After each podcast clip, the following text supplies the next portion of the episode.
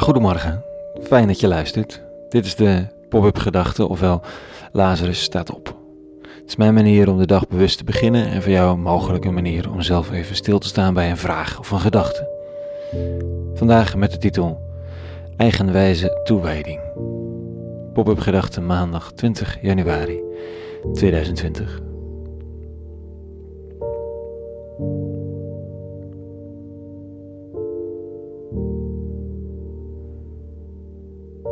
Er is iets fascinerends aan de hand met het christendom.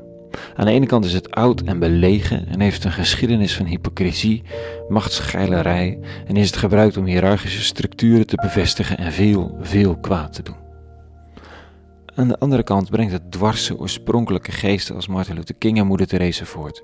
Ook dichter bij huis vind je gedreven priesters van de armen, priester Daans, dominees met lef en gelovigen die het aan hun geloof wijten dat ze in staat zijn om in verzet te komen op ongedachte manieren.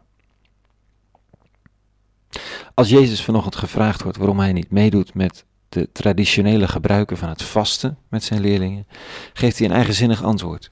Jezus sprak tot hen: Kunnen dan de vrienden van de bruidegom vasten, terwijl de bruidegom, ofwel hij zelf, bij hen is? Zolang zij de bruidegom in hun midden hebben, kunnen ze niet vasten. Er zullen echter dagen komen dat de bruidegom van hen is weggenomen. Dan in die tijd zullen ze vasten. Huis. Kijk, niemand naait een verstellap van ongekrompen stof op een oud kleed. Anders trekt het ingezette stuk eraan, het nieuwe aan het oude, en de scheur wordt nog groter. En niemand die doet jonge wijn in oude zakken. Anders doet de wijn de zakken barsten en de wijn gaat verloren met de zakken. Nee, jonge wijn, nieuwe zakken. De oude rieten zijn niet heilig. Niet voor JC. Gehoorzaamheid en meedoen en niemand voor het hoofd stoten is hem ook niet heilig. Sterker nog, hij waarschuwt in zijn geval dat de boel dan kapot gaat. Hij is iets nieuws aan het doen. Daar moet je geen oude dingen proberen op te naaien. Het is een beetje de Jezus-variant van: oké, okay, boemer.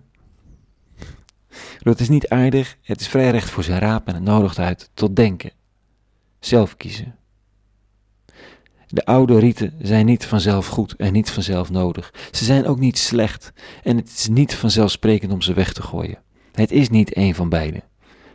Beide manieren zijn te makkelijk. Wie zichzelf niet onder de traditie plaatst, maar er middenin, kan kiezen welk ritueel op welk moment voldoet. Jezus claimt eigenaarschap van de traditie, wetgeverschap, en nodigt ons voortdurend uit om dat te volgen. Het is geen gebrek aan toewijding, hè, als je een beetje kijkt wat Jezus doet. Het is een staan boven de vormen.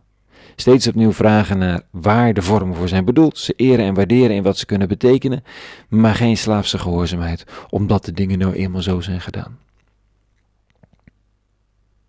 Hm. Gisteren vertelde iemand dit. Een jongetje in een klas ramt zijn klasgenoot een paar keer fix op de schouder met zijn vuist. Het jochje huilt en loopt naar de juf. In alle gevallen zou je denken dat de juf even iets zegt over het gebruik van fysiek geweld. Maar de juf staat niet onder de wet en er ook niet boven. Zij kent de regels en schat de situatie in. Dan zegt ze tegen hem: Je hebt het er ook wel een beetje naar gemaakt, hè? Meer niet.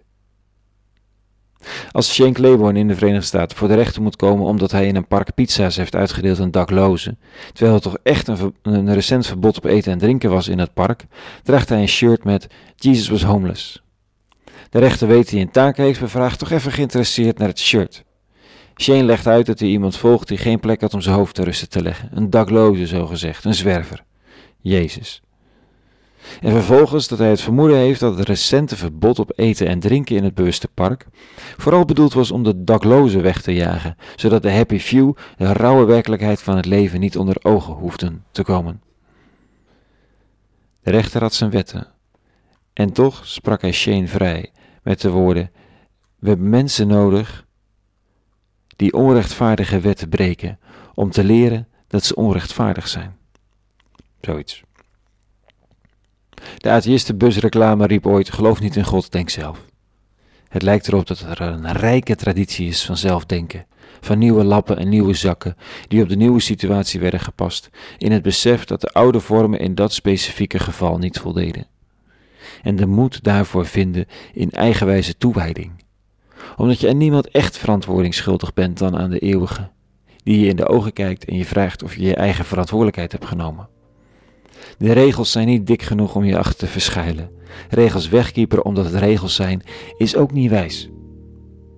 Een van mijn docenten had het altijd over de geest van de regel. Wat is het idee erachter? En als je die vindt, dan kun je er vrij mee omgaan en dwars tegen de regel zelf ingaan om de geest te behouden. Die eigenwijze toewijding aan de geest. Concreet vandaag en ook op de lange duur. Die uitnodiging ligt er. Tot zover vandaag. Tof dat je luisterde. Meer is er te vinden op lazarusstatop.nl en voor nu vrede en alle goeds.